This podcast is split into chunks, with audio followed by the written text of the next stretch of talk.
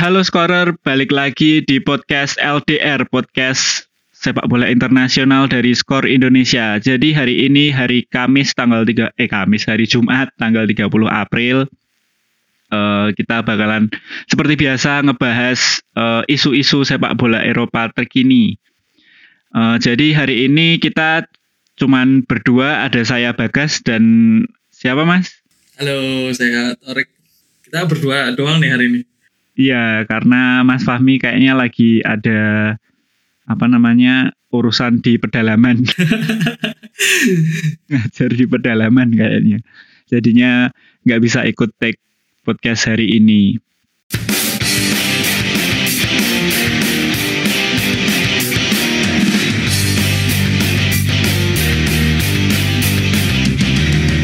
Oke, uh, eh, scorer. Jadi kayaknya langsung aja ya Mas ya, langsung ke uh, berita terkini aja ya. Berita terkini uh, kemarin seminggu kemarin ada semifinal Liga Champion dan Liga Eropa. Nah hasilnya adalah yang Liga Champion pertama Real Madrid imbang satu-satu lawan Chelsea. Itu uh, aku nggak jujur aku nggak nonton sih mas pertandingannya, tapi nonton beberapa cuplikannya itu kayaknya review ya. Kayaknya si Werner lagi-lagi kena kutukan. Itu gimana Mas kira-kira pertandingannya, jalannya pertandingan? Sebenarnya dari awal tuh emang Chelsea lebih menguasai ya, apalagi terus berhasil ngegolin lewat Christian Pulisic si Kapten Amerika. Itu pas itu tuh Madrid tuh mainnya masih berantakan banget masih berantakan banget dan Chelsea menguasai. Sayangnya emang cuma ngegolin satu buat Chelsea ya. Sayangnya cuma ngegolin satu. Terus Madrid kembali ke permainan tuh ketika Benzema ngegolin menit 29 itu. Nah baru Real Madrid kembali ke permainan terbaik mereka sampai akhir laga. Terus Madrid udah udah udah bisa menyaingi Chelsea lah. Makanya jadi imbang. Padahal sebelum uh, sebelum itu setengah jam pertama tuh Chelsea benar-benar menguasai. Dan salah satu penampil terbaik dalam laga itu ya si N'Golo Kante Conte. Nah, dia jadi man of the match juga karena man of the matchnya kan Conte karena ya di belakang oke okay, dan dia juga menyerang oke okay, karena di tengah kan dia sama si Jorginho si Jorginho yang di playing playmaker. Terus yang si Mason Mount yang nyerang jadi Kante itu kayak box to box kayak juga uh, jadi keblak memotong serangan juga ball winning midfielder juga ke depan juga. Jadi dia kayak ada di semua lini di semua lini lapangan. Jadi kayak lini tengahnya Madrid juga kewalahan buat konten si Kante ini. Jadi nggak bisa. Jadi dia emang dan kayaknya gol gol polisi ini penting banget karena gol tandang. Ya baru mau bilang gol tandang lumayan satu gol. Jadi nanti misal kosong kosong pun mereka lolos ke final ya. Uh, terus itu aja sih. Tapi prediksimu kira-kira Real Madrid atau Chelsea, Mas? Um, kalau dari pengalaman Chelsea, kalau dari eh kalau dari pengalaman Real Madrid ya karena pengalaman di Liga Champions, tapi kayaknya Chelsea peluangnya lebih besar karena main di kandang dan juga tim tim asuhannya Thomas Tuchel ini keren banget menurutku dan menurutku Chelsea bakal bisa sih di Stamford Bridge entah menahan imbang entah menang lawan Real Madrid jadi bisa Chelsea ke final kalau aku sih kalau Bagas gimana? Uh, kalau aku sih pengennya sih juga Chelsea, cuman kan uh, biasanya Real Madrid itu kan Liga Champions kan bisa dibilang kayak turnamennya Real Madrid ya. Dan Zidane, entah kenapa di bawah Zidane itu sejelek-jeleknya main itu tiba-tiba bisa ke semifinal, bisa juara. Tapi harapanku sih semoga Chelsea biar uh, kayak apa ya istilahnya, biar kebayar juga dia uh, ngabisin duit segitu banyak di musim panas lalu terus bisa masuk final dan bisa juara juga itu bakalan mengobati sih mungkin mengobati si Roman Abramovich. Yaitu dari Real Madrid dan Chelsea. Terus yang kedua ada Manchester City lawan PSG nah ini juga pertandingannya seru tapi juga aku nontonnya cuma di akhir-akhir karena bangun sahurnya pas udah setengah empat. Itu skornya 2-1 menang Manchester City. Gimana nonton nggak mas? Nonton karena tugas juga. Tugas juga. Gimana mas jalannya pertandingan? Uh, kalau dari sudut pandangku ya bahwa pertama itu total milik PSG. Terutama setelah Marquinhos ngegolin menit 15 itu memang masih merajai lapangan lah PSG Paris Saint Germain ini. Tapi semua kayak berubah di babak kedua kayak Pep itu menemukan ah, dari komentar setelah setelah setelah laga ya pemainnya bilang aku lupa yang bilang siapa De Bruyne kayaknya De Bruyne, De Bruyne.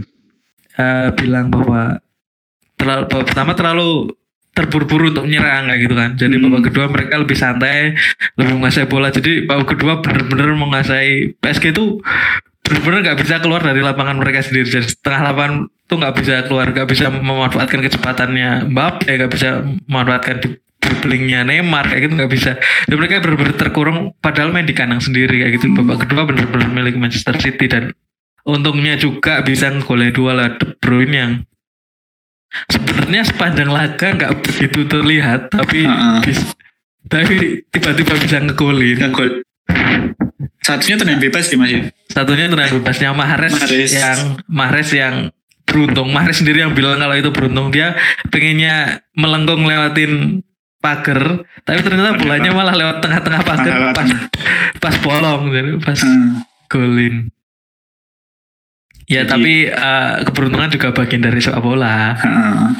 Biasa lah, biasa lah. Tapi itu ya kayaknya si eh, Mbappe kecewa banget pada pertama kalah ini. Iya benar. Karena bukan cuma kalah tapi bener-bener babak kedua itu mereka terkurung dan nggak bisa ngapa-ngapain. Jadi itu mungkin yang membuat para pemain PSG kecewa. Kok bisa babak kedua mereka main kayak gitu? Kayaknya emang Pep tahu ya eh, si PSG itu kan kekuatannya di kecepatan di lini depannya jadi nggak dikasih itu nggak dapat ruang kalau nggak Iya, ada ruang buat lari buat Mbappe sama Neymar kan pasti juga Dan sekarang mereka leg kedua harus main di Inggris hmm, juga kayak Susah. susah ya maksudnya. Walaupun saya masih menjagokan Neymar untuk juara Liga Champions musim ini Neymar ya bukan PSG ya.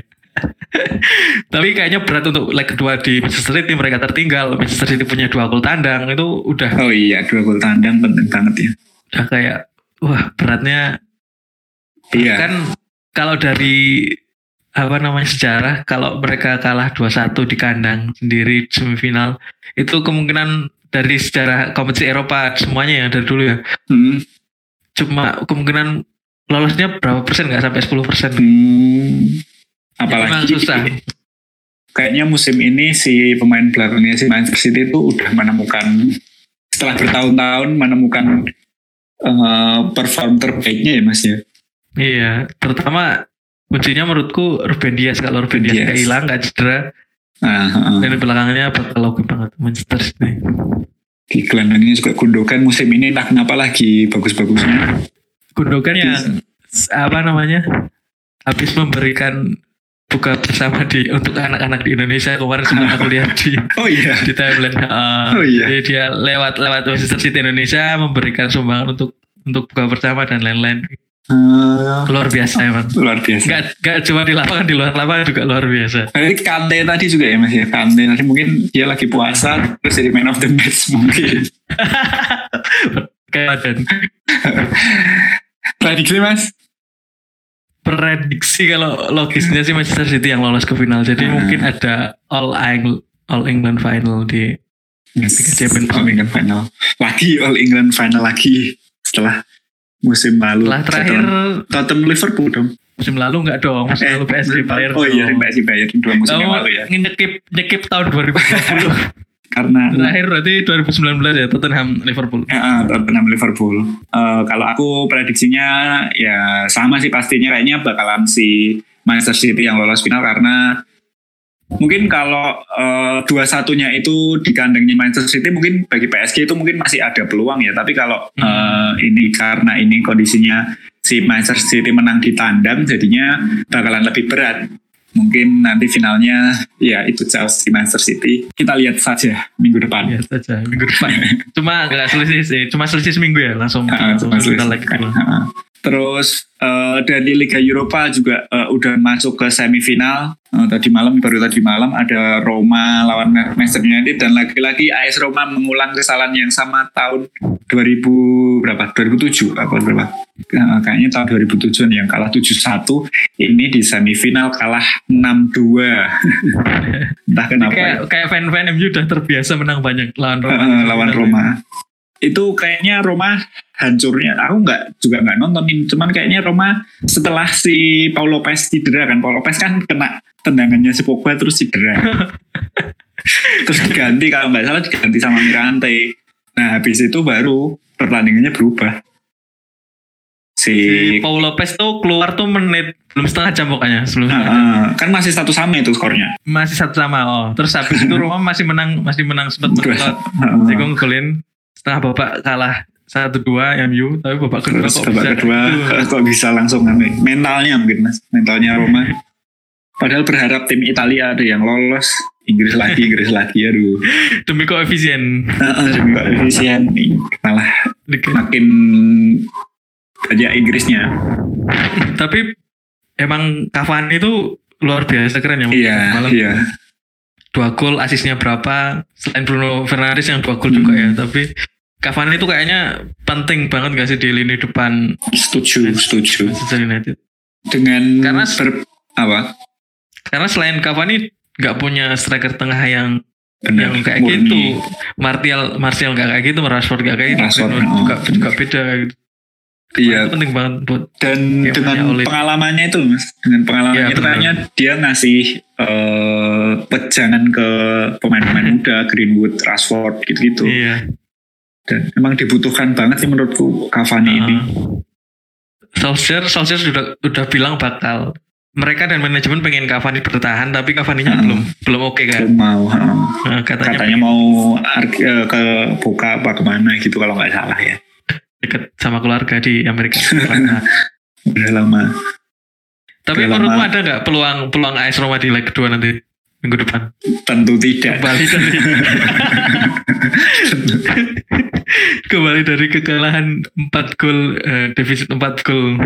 Walaupun punya walaupun punya 4 deh dua gol tandang. dua gol tandang. Kayaknya susah banget ya? Susah tapi lawan Barcelona bisa. Oh iya. Lawan Eh, Barcelona kan empat satu ya? satu empat tiga 4-1 kan? gol empat satu cuman eh, apa ya kayaknya musim ini dari segi pemainnya kan juga udah beda. Mungkin lebih sulit sih kayaknya. Kalau melihat performanya di kompetisi liga juga kan eh, si Roma kan juga angin-anginan. Walaupun Iya. dia juga papan atas kan cuman eh kadang lawan masih kepleset-kepleset lah. Lawan Spezia masih kepleset. Sih jadi Jadi- mungkin susah dan MU-nya kan juga eh, top form gitu loh. Iya. Buat 99 persen setan merah lolos nih. satu persennya hanya keajaiban berkah Ramadan mungkin. Jadi nasib MU beda dengan nasib wakil Inggris satunya di semifinal. Nah, Si betul Arsenal. sekali. Arsenal will be Arsenal. Di Arsenal lawan Villarreal kalah 2-1 ya Mas ya. Apa ya? Golin? pertama tuh Babak pertama? Manu Trigueros sama Raul Albiol lah dulunya. Oh, Dua kosong babak pertama terus yang jadi masalah sih Dani Ceballos kan kartu merah tuh pas sejam oh. Dan 50 berapa gitu. Tapi setelah itu Arsenal ngegolin. Ngegolin satu ya? PP. Heeh. Kelas penalti tapi penalti. Ini kayak Kan- kayak kayak menunjukkan itu sih kalau aku melihatnya Unai Emery sebagai mantan pelatih Arsenal loh, aku bawa oh, bisa, bisa. bisa. Apalagi Unai Emery kan jagonya Europa League nah. Balik dulu Europa di League Sevilla juara berapa kali? tiga kali Tiga beruntun. kali. Mm. Terus skip satu, terus juara lagi. Jadi memang udah kayak kompetisinya dia. Hmm, skip satu lagi masuk final. Terus ini langsung masuk ke semifinal dan nyaris ke final. tapi tapi golnya PP itu satu penalti pun bisa jadi ngaruh sih. Oh, Jadi- perbedaan Cahaya, cahaya setitik Cahaya harapan, cahaya harapan. Satu gol tandang tuh sangat berarti di kompetisi babak gugur Eropa kayak gini kan. Heeh. Tapi nanti juga tergantung itu mas. Apa si dua strikernya Aubameyang sama Lacazette udah bisa main belum? Kalau belum ya juga bakalan susah sih. Kalau nggak salah kemarin Semalam Aubameyang pengganti. oh pengganti. Strikernya Ya. Smith Rowe. Iya. Nah kan belum fit kan kayaknya. Jadinya eh, kayaknya harus apa bertumbuh pada tetap butuh yang senior kalau misal mainkan Iya. yeah. ketiah gitu juga susah di level Eropa gitu apalagi kan lawannya si jago apa Liga Eropa Unai Emery itu Ya, benar. Jadi prediksi gimana? Arsenal atau Villarreal? Kayaknya sih apa ya Villarreal aku masih Villarreal Jadi nggak ada English final nih. nggak ada Nggak nggak ada. ada kayaknya Unai Emery will be Unai Emery Arsenal will be Yes. Arsenal Aku pun kayaknya pengennya pun Villarreal yang yang lolos ke final karena pembalasan dendam berapa tahun yang lalu 16 tahun yang lalu semifinal Liga Champions kan mas Villarreal Arsenal. Heeh. itu kan cuman kalah 1-0 si Villarreal dan sebenarnya mah hampir nyaris imbang kalau penaltinya Riquelme itu masuk zaman zamannya Marco Sena gitu zaman terus siapa ini? Head Caveci. Itu masih ada Forlan juga kalau nggak salah ya. Iya. mungkin bisa jadi ajang balas dendam di Liga Eropa ini. Walaupun fansnya udah lupa kayaknya. Enggak deh, enggak deh, enggak lupa karena karena mereka jarang sampai semifinal Ah, Champions benar. jarang, jadi enggak lupa. Cuman mungkin nggak lupa. Apalagi Arsenal sampai final tahun itu walaupun kalah di final sama Barcelona, Barcelona heeh. saya tetap tetap, tetap teringat. teringat itu sih prediksinya berarti MU Villarreal. Yes, Juara. Kita lihat kita pekan lihat depan. pekan depan juga itu sih eh, jadi update terkini dari sepak bola internasional itu terus eh, seperti biasa update dari J-League-nya apa nih mas Update dari Jelik pekan lalu itu pemain asal Thailand si Chanatip Songkrasin mencatatkan penampilan ke-100 di wah kasar teratas Liga Jepang. mantap Sesuatu sesuatu yang jarang aku sangat luar biasa dan Heeh. jarang dan belum pernah karena Ter- biasanya pemain asal Asia Tenggara kan cuma cuma Cadangan. rekrut mungkin mungkin sebagai apa namanya pengganti eh, atau untuk menarik pasar Asia Tenggara Ah. gitu. tapi kan Canatip nggak di, sejak dia datang ke Hokkaido Consadole Sapporo tahun 2017 dia tetap main konsisten ya sebagai eh, sebagai starter terus kayak gitu dan sampai 100 itu emang pencapaian banget sih Jadi dia menunjukkan dia nggak cuma buat narik pasar. Thailand misal atau apa dia emang emang Punya kualitas. bukan tema dan punya kualitas. Dan dia masih 27 tahun jadi ke depannya juga jalannya kayaknya masih panjang nih. masih panjang dan berpotensi panjang juga di Liga Jepang ini. Hmm. daripada keluar-keluar Kalau nggak pindah ke Eropa mungkin. nah nggak tahu. tapi kayaknya heeh, kayaknya nggak tahu. nggak mungkin sih kayak kayaknya nggak mungkin Lebih ke eh Consadole Sapporo-nya mungkin nggak mau ngelepas juga Heeh, karena iya iya ya itu tadi pasar itu nomor satu juga. udah, udah dapat pasar udah dapat kualitas. Mm-mm. Jadi kalau nggak yang benar-benar tawaran besar mungkin si Consadole-nya nggak mau ngelepas. Karena kontraknya si Canatip di Hokkaido Consadole Sapporo itu masih sampai 2025 jadi masih lama. Hmm, masih lama tahun kan. lagi. kalau teraton itu juga mana mas? Apa? Eh udah main banyak pertandingan apa belum sih? Nggak enggak ya ya, nggak jadi- sebanyak ya. si itu ya nggak sebanyak canatip ya tapi ya Karena lumayan juga, sih ya. Karena juga posisinya sih, posisinya. Hmm. Karena Canatip kan dia di belakang striker, jadi dia penyokong gitu loh. Kalau Ter- Hmm, Terasil, Terasil kan dia striker utama, jadi teraton mas teraton Oh Teraton. Teraton Kalau Teraton Bunwatan itu banyak juga mainnya, banyak juga mainnya. banyak juga ya tapi belum belum sampai belum 100 sampai ya. 100, belum sampai 100. Karena dia eh, utama di Marinos di sisi back kiri, Oh, kiri back kirinya Thailand, di back kirinya Marinos. Tapi aku ragu sih bisa sampai 100 enggak 100 karena juga ya. usianya usianya udah 30 Udah. ke atas, Hmm, 31 kalau nggak salah. Jadi nggak tahu juga bakal, bakal bisa sampai nyamain 100 enggak. hmm, Selain Canatip kemarin juga kita di skor Indonesia ada kerjasama juga ada project Betul. dari Jelik soal Jelik.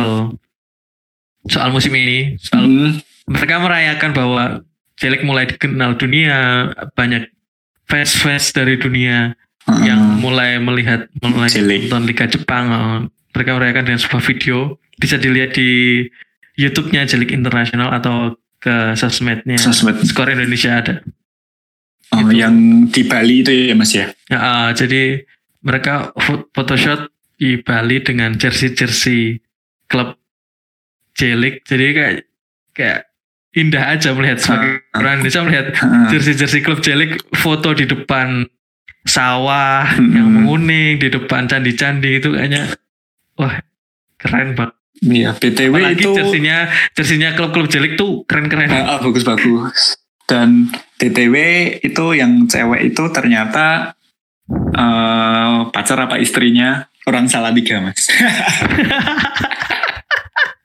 Cuman Kok emang kok tahu? temanku kemarin kan aku update tak, eh, di Oh. Instagram kan tak posting. Eh, itu itu istrinya ini itu istrinya temanku freelance di Bali gitu. Oh, Oh. Jadi salah tiga proud gitu. Salatiga proud for Jelik Internasional. udah udah go internasional. Kalau yang penasaran foto-fotonya bisa langsung cek ke Dan videonya juga cek Indonesia. Mm, ada Di- di, ada di, di Twitter, uh, di Facebook IGTV kita ya. ada. Cek aja sih itu keren banget sih videonya. Hmm. Oke, jadi itu tadi update jari jelik. Nah, sekarang kita masuk ke pembahasan. Jadi sebenarnya tadi udah ada eh, selentingan-selentingan dikit soal materi yang akan kita bahas kali ini yaitu soal berkah Ramadan. Karena Mumpung suasana Ramadan. masih Ramadan. Ramadan. Eh, mumpung Lebaran masih dua minggu lagi, jadi sebelum kita telat kita harus membahas soal Ramadan ini berkah Ramadan. Jadi maksudnya adalah eh, pemain-pemain yang mendapat berkah ketika mereka puasa. Entah ini cocokologi ya mas ya, tapi eh, beberapa pemain itu ternyata mereka justru mendapatkan tuah dari dalam tanda kutip ya dari ketika mereka berpuasa pas bertanding.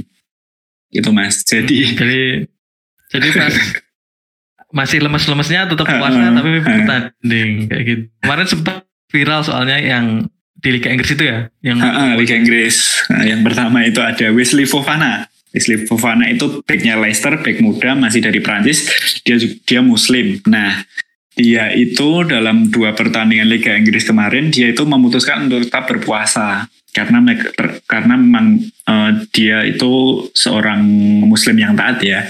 Nah ceritanya itu waktu lawan West Brom pertama waktu lawan West Brom pertama itu si Fofana main selama berapa ya?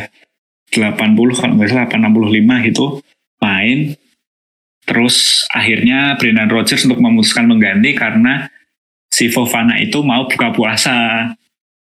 Itu mas. Hmm. itu yang pertama. Tipe- Hmm. Hmm, si terus si Brendan Rodgers-nya juga menuai pujian karena mengizinkan si Fofana buat eh, buka puasa. Terus yang kedua itu juga Fofana juga waktu lawan Crystal Palace. Lawan Crystal Palace itu si eh, ada tindakan yang terpuji dari kipernya si Crystal Palace di Vicente Gaita mengis, eh, bolanya itu dipegang lebih lama untuk mengizinkan si Fofana sama kalau nggak salah Cakra Soyuncu buat buka puasa. Nah, itu itu itu si pemain Crystal Palace itu ada yang puasa juga kayaknya kalau nggak salah si siapa? eh, Koyate Koyate. oh, Koyate. Ceko. Koyate. Ya, gelandang yang pas itu main jadi back. Jadi pas itu Hmm. juga dia katanya juga buka puasa juga. Karena Nah, karena kenapa? itu apa nama eh sebelum sebelum ini ada beberapa pemain yang dia kalau bulan Ramadan tetap puasa, tapi Hmm. ketika tandingan dia Nggak puasa, puasa. Oh, karena dia menurut Ustadz dia bahwa pekerjaan yang Heeh, ya ceritanya gitu, menurut Ustadz dia pekerjaan yang harus dengan fisik kayak gini kayak gini jadi dia mendapatkan diizinkan. uh, uh, dispensasi untuk tidak puasa ketika hari pertandingan. Tapi ketika kayak Fofana ini yang uh, namanya apa namanya buka puasanya ketika pertandingan itu kan Hmm. sebuah apa namanya contoh yang Hmm. luar biasa sih. Contoh menurut- yang luar biasa. Hmm. Benar-benar. Dan entah gara-gara puasa itu atau enggak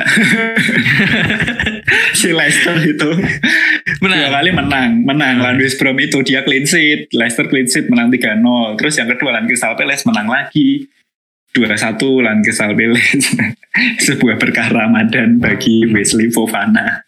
Karena walaupun dia puasa dia bisa tetap mengelu- eh, keluar top performnya. Ya dan, Lebih dan sat- di dan di level, liga level tertinggi ya lah. Nah, eh, Liga Inggris dengan eh, fisik yang gila-gilaan kan. Ya, tapi mungkin benar juga apa yang dilakukan Brendan Rodgers bahwa dia terus kemudian menarik keluar Fofana setelah buka puasanya kayaknya menit deh awal-awal ya babak pertama kayaknya babak kedua babak kedua yang lawan. West Brom babak kedua terus setelah itu menarik keluar biar ya biar bisa buka puasa di di Ah, maksudnya nggak cuma minum kalau kalau nggak ditarik keluar kan paling cuma minum terus main lagi kalau Iya. ditarik keluar kan juga bisa minum bisa minum makan yang banyak bisa istirahat di di bangku cadangan biar Rodgers kan bilangnya dia pengen melindungi Fofana juga maksudnya Ha-ha. biar mungkin nggak cedera dan lain-lain itu Ha-ha. itu tindakan yang yang pantas untuk kemudian dia menuai banyak pujian dari berbagai berbagai pihak kayak gitu Hmm, bener. Nah, terus eh, itu sih si dari si si temennya eh, Fofana di Leicester itu ada yang Islam juga eh, Soyuncu. Cuduri Cuduri, Oh, Cuduri. Cuduri, yang Oh, yang iya, main yang main yang nggak main Oh, nggak main. yang main itu juga mungkin Om, puasa juga mungkin kalau dimainkan iya, nggak dimainkan juga. dia juga taat soalnya karena Ah, ah. dia ceritanya itu kalau mau main gitu eh, dia kan keturunan Bangladesh kalau nggak salah. Hmm, ibunya pindah ke Inggris kayak gitu. Dia disuruh ibunya kalau mau main selalu, selalu baca ayat kursi pertama di Hmm. ruang ganti. Terus beberapa surat pendek yang dipilih ibunya buat oh, selalu dibaca se- sebelum pertandingan di ruang ganti. Gitu. Jadi emang dia juga seperti Fofana yang Islam yang taat. Islam taat ya. Berarti Leicester berarti salah satu tim Liga Inggris yang mm, pemain musuhnya banyak juga ya mas ya? Apa cuman tiga itu Caglar, Soyuncu, Hansa Cuduri sama si selain Liverpool ya? Liverpool kan memang Liverpool banyak pemain Liverpool musuhnya. yang, yang mungkin mungkin yang paling terkenal mungkin Liverpool ya Iya karena mungkin Heeh. trio dua dari trio lini depannya dan pemain top semua. mm-mm. Nah, ngomong-ngomong soal Liverpool, Mas.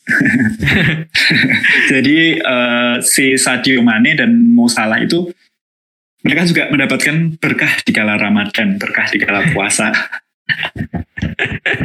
Sebagai eh, fans Liverpool coba ceritakan Mas, kira-kira si Sadio Mane itu yang Dan yang nggak harus nggak harus nggak harus musim ini ya iya nggak musim ini nggak apa-apa. karena dulu itu pas pas juara Liga Champion katanya Hmm. mereka itu emang emang berpuasa ketika itu jadi nggak yang nggak nggak yang tidak berpuasa pada hari pertandingan padahal kan yang namanya Liga Champions apalagi final kayak gitu kan Hmm, mungkin vital ya pertandingan yang sekali Uh-uh. setahun. Salah satu salah satu laga yang di puncak sepak bola selain final Piala Hmm. Dunia mungkin Hmm, Liga Champions Liga salah satu yang teratas dan mereka tetap menjalankan puasa itu sebuah hal yang Luar hal yang biasa. luar biasa. Apalagi kita tahu kan keduanya emang saat sangat taat menjalankan Mm-mm. agama Islam menurut menurut kepercayaan mereka. Misal, misal si Muhammad Salah setiap mencetak gol selalu uh, Sujud. bersyukur dengan bersujud Oh. kayak gitu. Dan Mane kita tahu bahkan dia cerit salah satu cerita yang menarik tentang Mane itu dia sering ke masjid lokal di Liverpool bahkan ikut bersih-bersih Ah, di, ikut bersih-bersih di musolanya WC, ya. di oh, Mm. sampai WC bahkan untuk bintang sebesar Mane kan Iya. mungkin kalau orang sana udah kamu nggak usah ikut bersih-bersih Oh, oh. kalau kamu di yang depan aja itu mungkin ya tapi dia tetap mau kayak gitu Tetap ikutan ya mas ya. dia sempat bersih-bersih itu ketika berapa sejam dua jam setelah membela Liverpool ya? kayak gitu Setelah Ah. ngegolin ya kalau nggak salah. aku lupa lawan mana tapi itu jadi kayaknya dia capek habis kerja juga nggak masalah orang pada gotong royong bersihin masjid dia ikut kayak gitu emang luar biasa Badannya yang apa ini jarum ya mas? Lagi jarum-jarum apa? kalau pijetan malamnya apa-apa kalau kita aja yang eh, futsal, misal futsal mas, futsal, futsal aja kan nggak sering kan, paling berapa minggu sekali. Itu kalau udah kelar kan pasti rasanya kan, aduh mau ngapa-ngapain males. Mau apa jangankan bersihin musola, bersihin kamar sendiri aja pasti males kalau habis futsal. Rasanya pengen Iya. tidur. itu dia habis pertandingan rela untuk ikutan um, bersihin musola kan untuk pemain selevel Mane, Sadio Mane, pemain Liverpool yang turut mengantarkan Liverpool akhirnya mengantarkan juara Liga Inggris dan Liga Champion kan contoh yang sangat luar biasa bagi uh, Dan- dan mungkin kalau warga Liverpool situ juga kalau Mane izin oh saya izin nih nggak ikut bersih bersih nggak ikut gotong royong mereka Nggak juga pasti masalah. paham oh iya habis tanding nih pasti habis tanding. ada apa ada rapat ada capek gitu kan tapi Mane tetap datang itu sebuah contoh luar biasa untuk kehidupan bermasyarakat Kita bersosialisasi. tapi ngomong-ngomong soal eh, buka puasa saat pertandingan yang Hmm, sekarang viralnya kemarin Fofana itu sebenarnya kan yang viral pal- paling pertama kali eh, kan si si si, ah, si Ziyech itu kan si Hakim Ziyech Ah. ketika dia masih membela Ajax Ajax ya Ajax Ah, Ajax pas semifinal Liga lawan Champions lawan Spurs. Heeh. Final. Tertangkap kamera juga lagi buka puasa kan dan di finalnya si Mo Salah yang viral juga eh, waktu Iya. final eh, buka puasa dulu. Jadinya memang patut dicontoh Iya. eh, Dan si Ziyech juga pas itu ngegolin walaupun Nah, kalah ya walaupun Mendapatkan- walaupun kalah walaupun berkah Ramadannya ngegolin ngegolin. Nah, tapi Mas, ngomong-ngomong Ya. soal Ziyech, wis ngomong-ngomong lagi, bridging terus. ngomong-ngomong iya Nah, si Ziyech ini, Ziyech kan udah pindah ke Chelsea sekarang, terus dengan kisahnya di Ayak yang waktu itu juga buka puasa. Ternyata kemarin waktu lawan Manchester City di semifinal Piala FA, dia juga puasa. Dan dan ngegolin juga ngegolin juga. Ternyata berkahnya puasa mungkin dia harus selalu berpuasa tiap pertandingan biar ngegolin. Bahkan dia jadi man of the match, Mas. pas semifinal kemarin ya? uh, semifinal lawan Manchester City dia menang Manchester eh, menang Chelsea 1-0. satu nol Mm, Dia jadi man Jadi- of the match. gol penentu ya Uh, gol penentu. Itu eh, emang di Chelsea kalau Kante itu nggak tahu kisahnya ya Mas ya. Tapi dia Iya, juga muslim kan? muslim tahu aku muslim jadi kayak emang nggak nggak pernah eh, kehidupan di luar anunya nggak pernah kesorot Oh, berharap. Prediksi gue sih puasa mas soalnya dia kan juga sempat apa sempat sempatnya ikut lomba balap sepeda. Prediksi gue mungkin tetap puasa. kayaknya sih Nah, Terus eh, sayangnya si Ziyech kemarin si Ziyech kemarin main nggak sih mas pas lawan Real Madrid? Eh, lupa aku kan nggak ya Kayaknya nggak ya. Kayaknya Pulisic ya. Pulisic lupa aku lupa. Oh, mungkin kalau main di leg kedua puasa dimainin siapa tahu oh, ngegolin lagi. Kante kemarin jadi man of the match mungkin like, Nah, jadi tadi makanya makanya eh, si- siapa tahu kan itu karena tidak dimainkan dua-duanya si Ziyech sama Kante semua jadi kurang maksimal berkahnya kurang maksimal. Tapi Jadinya mungkin eh, oke kita ngomong-ngomong soal puasa tadi ketika pertandingan mungkin kalau zaman sekarang nggak nggak kayak zaman dulu ya ketika zaman sekarang udah banyak sepak bola yang ngerti dan ada bantuan dari ahli gizi ah, dari benar.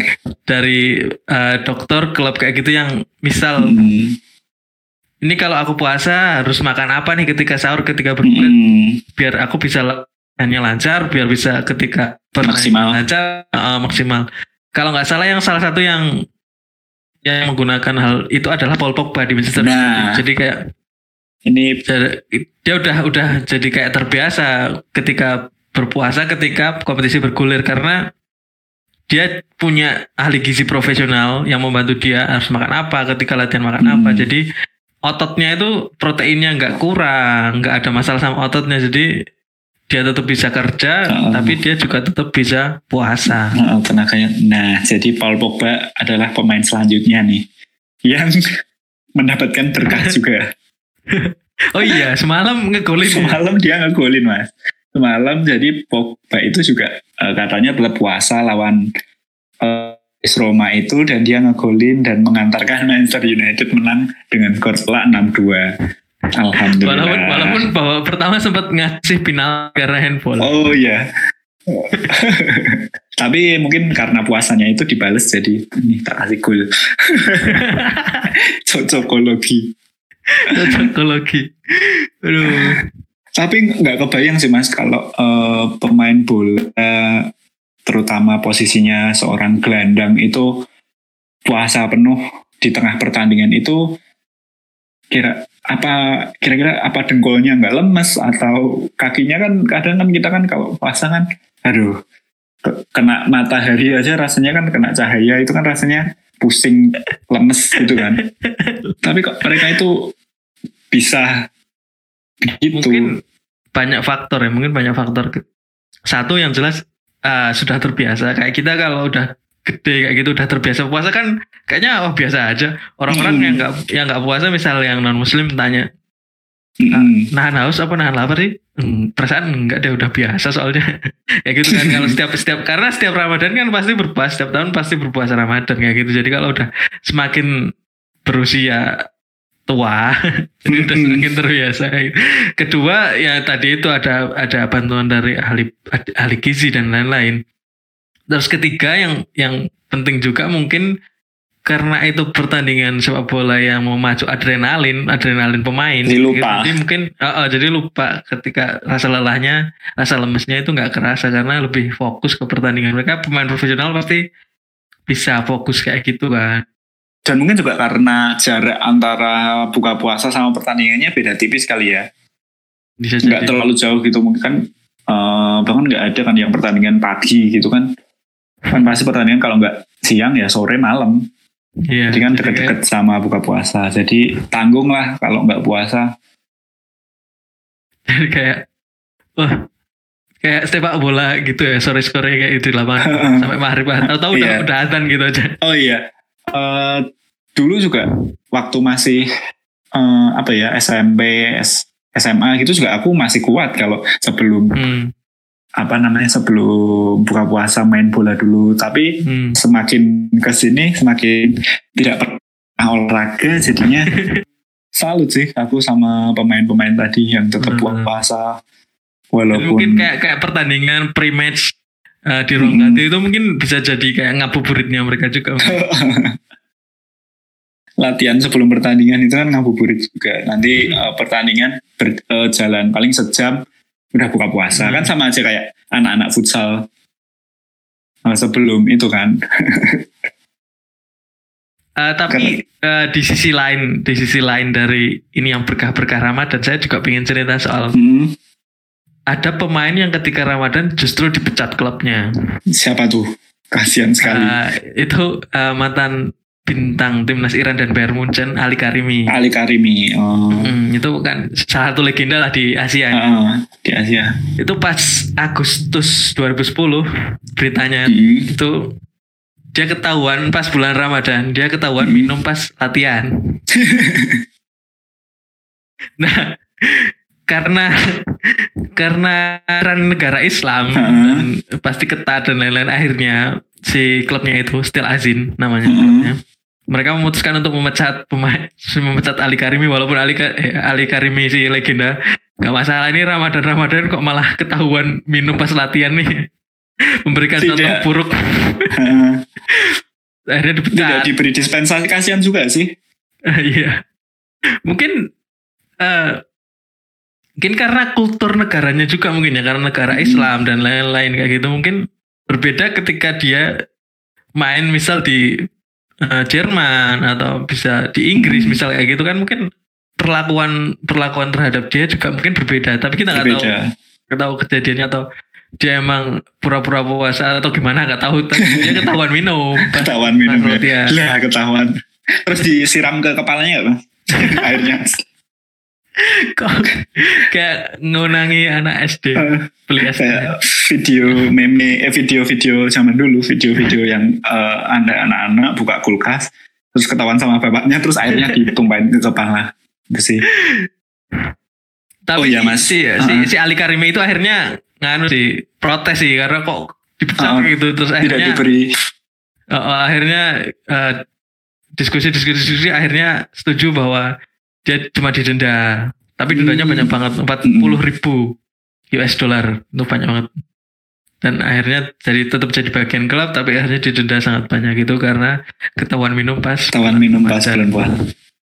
Terus ada juga nih mas kisah yang nggak puasa sih. Jadi s- salah satu ikon pemain muslim yaitu Mesut Ozil mas. Jadi Mesut Ozil itu kalau ini beda sama yang tadi. Kalau yang tadi kan memutuskan untuk puasa si Sadio Mane terus Mo Salah tetap memutuskan untuk puasa pas di partai final final Liga Champions lagi. Nah kalau Ozil ini beda. Jadi Ozil waktu 2014 final Piala Dunia dia memutuskan untuk nggak puasa dulu. Itu pas Ramadan. Nah iya pas finalnya kan lawan Argentina dulu itu kan eh, nggak apa pas Ramadan juga. Nah, Ozil memutuskan untuk sehari itu nggak puasa karena mungkin juga eh, Piala Dunia tertinggi kan, jadinya Puncak tertinggi eh, finalnya. puncak tertinggi. Dia eh, pengen menjaga kondisi biar te- bisa tetap fit, nggak ada apa namanya, nggak lemas-lemas banget lah. Apalagi Ozil kan mainnya kan hitungannya bukan yang powerful gitu, dan Hmm. biar visinya tetap terjaga. Orang kalau nggak makan tuh kan biasanya kan nggak fokus kan mas. Jadi mungkin Iya, Ozil memutuskan untuk nggak puasa eh, biar tetap fokus. Dan alhamdulillahnya sih akhirnya si Nasirmannya juga juara. Juara Piala Dunia. Hmm, jadi eh, nggak sia-sia lah dia nggak puasa sehari, tapi akhirnya bisa mengantarkan Jerman buat juara Piala Dunia. Hmm. Sekarang tuh banyak banyak banyak banyak bintang-bintang sepak bola yang oleh banyak orang dianggap sebagai sebuah agama. Hmm, Mereka beragama Muslim dan tetap menjalankan kewajiban mereka sebagai seorang Muslim, tapi juga tidak eh, tetap menjalankan kewajiban mereka juga sebagai pesepak bola. hmm, Sekarang banget bintang-bintang kayak gitu kan.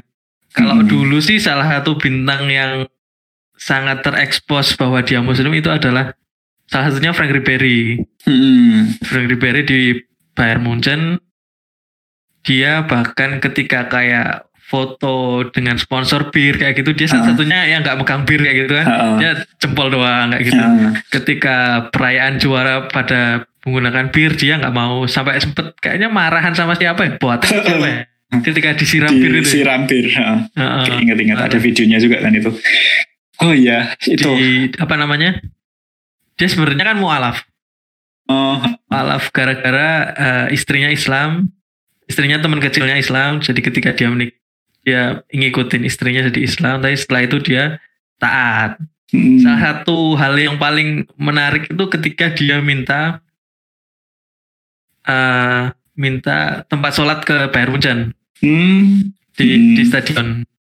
Nggak cuma diberi tempat sholat si Allianz Arena itu membuat musola gede. Uh, gara-gara Ribery ya. Gara-gara permintaan Ribery kan eh, kabarnya itu dan dananya juga selain dari klub juga dari urunan anggota anggota anggota klub yang tim itu jadi diberi kayak gitu Nah. dan Ribery juga punya nama Islam namanya Bilal Oh, Bilal Indrajaya. Iya, eh, gara-gara ngomong tadi mas soal Bir Ribery itu aku jadi ingat sama si Mahrez. Mahrez sem- juara Carabao Cup itu dia juga nggak mau eh, megang bir juga karena karena kan dia juga muslim. Nah, Iya. apakah waktu juara dan waktu tadi eh, kemarin menang lawan eh, siapa namanya PSG dia juga berpuasa? kan si Mahrez juga ngegolin mah. Iya Waktu itu kan ngegolin. Apakah itu berkah Ramadan juga bagi Mahrez? mungkin mungkin tapi satu hal yang aku lihat dari bintang-bintang bintang-bintang ini kebanyakan Hmm, kebanyakan berasal dari Afrika atau Hmm. keturunan Afrika Utara keturunan Maghreb Afrika. Afrika atau Ma- Maghreb Afrika Utara yang udah misal pindah ke Prancis dan lain-lain kayak gitu Ah, imigran-imigran ya. Hmm, imigran imigran kayak gitu kayak Pogba dan lain-lain kayak gitu banyak juga yang kayak gitu jadi mungkin ke depannya kita butuh juga pemain-pemain Muslim sebagai representasi tapi dari Muslim di dari tempat lain kayak dari Hmm. Indonesia gitu Hmm, yang bisa jadi representasi dunia- representasi dunia ya. ke dunia mimpi dulu bermimpi dulu Ah, Ya, siapa tahu, bisa siapa tahu. Hmm. Keren sih. tapi di Indonesia sendiri kayak bulan Ramadan tetap jalan ya Tetap walaupun jalan tapi pasti Malam, habis taraweh. Eh, Habis taraweh. Di Malaysia pun juga gitu mas ternyata. hmm ya Aku pernah Ya, diceritain. Eh, aku pernah diceritain kalau di Malaysia itu pertandingannya mau nggak mau setelah sholat tarawih pokoknya walaupun itu selesainya nanti jam 2 pagi pokoknya tetap harus dijalankan dan itu eh, juga lumayan menuai kritik dari ber- beberapa pihak sih Iya sih cuman itu diceritanya gitu. Ternyata mirip sama Indonesia. Setelah, eh, kalau bulan puasa pertandingannya setelah. Nggak tahu sekarang masih gitu apa enggak ya. Itu salah satu komprominya. Ketika bisnis sepak bola Hmm. harus tetap jalan tapi ada bulan Ramadan mereka harus kompromi ya. Iya. komprominya harus main main di di main malam. setelah setelah oh main setelah tra- tarawih. Mau nggak mau. Tapi Oh, juga salut juga sih pemain itu kan kalau habis buka habis tarawih gitu kan biasanya ngantuk tuh eh, apa kalau enggak? kalau pas kalau pas puasa main masalahnya di lemas kalau habis tarawih kan ngantuk atau dan permasalahan apa enggak? Suduan mas. Suduan itu bahasa Indonesia apa ya? nggak tahu Sudu, suduan itu apa ya? Kram. Eh, apa sih kram perut mungkin ya kram perut setelah makan terus olahraga. makan terus olahraga itu perutnya sebagian ping pinggir itu sakit tuh. salut juga sih itu Heeh, salut sih. kemarin eh, Piala Menpora ya ba- Menpora. baru selesai itu kan banyak yang di dilangsungkan saat bulan bulan Saya- Ramadan. salut juga Oke, eh, kayaknya eh, pembahasan hari ini cukup itu dulu ya Mas ya. iya Eh, kayaknya berkah Ramadan udah, eh, berkah Ramadan buat pemain bola. Kayaknya juga eh, beberapa cerita udah diceritakan, beberapa cerita-cerita yang viral sih istilahnya. Kalau Iya. cerita, eh, jadi kita bahas hari ini. Nah, mungkin kalau mereka sekarang- juga mereka ini apa namanya bisa Apa? mengenalkan Muslim ke dunia gitu betul sekali. mereka jadi repre- representasi Representasi. orang-orang Muslim Betul. heeh. Itu aja sekarang mungkin kalau scorer punya cerita-cerita lain nanti mungkin bisa mention ke Twitter kita ya Mas ya. Siapa tahu. Oh iya, jangan lupa juga di Discord ID selama bulan Ramadan kita punya cerita-cerita. Betul sekali. Ramadan. Namanya cerita Ramadan, mungkin Cerita bisa di Ramadan. di Discord ID cerita Ramadan gitu. Hmm. Banyak cerita nggak cuma dari sepak bola, Betul. ada dari basket, ada dari Basket. olahraga olahraga lain mungkin. Nanti bisa langsung Langsung laman di Discord Indonesia. ID. Betul sekali. Eh, tinggal dicek aja search cerita Ramadan score.id pasti ada keluar semua. Itu eh, hasil kurasi-kurasi dari redaksi kami tentang eh, spiritual, istilahnya kisah spiritual para atlet dalam eh, sebagai seorang muslim. Oke, eh, itu aja scorer. Eh, kit- ini udah berapa menit? Udah Banyak menit. Ah, banyak menit. Jadi eh, tetap eh, ikutin berita-berita kami di score.id. Terus jangan lupa juga follow sosial media kami di Twitter, Instagram, eh, Instagram sama Facebook. Terus jangan lupa subscribe YouTube kita juga ada kisah-kisah obrolan-obrolan soal Ramadan. Eh, Di YouTube kita jangan lupa di subscribe di Score Banyak banyak Indonesia. konten eksklusif di YouTube Nah, kita benar sekali. dengan banyak konten eksklusif. atlet-atlet Muslim. Betul sekali. Pokoknya jangan lupa di subscribe, jangan lupa di follow semua. Eh, kita akhiri eh, pembahasan hari ini. Sampai jumpa scorer saya Bagas. Saya Torik. Kami undur diri. Bye.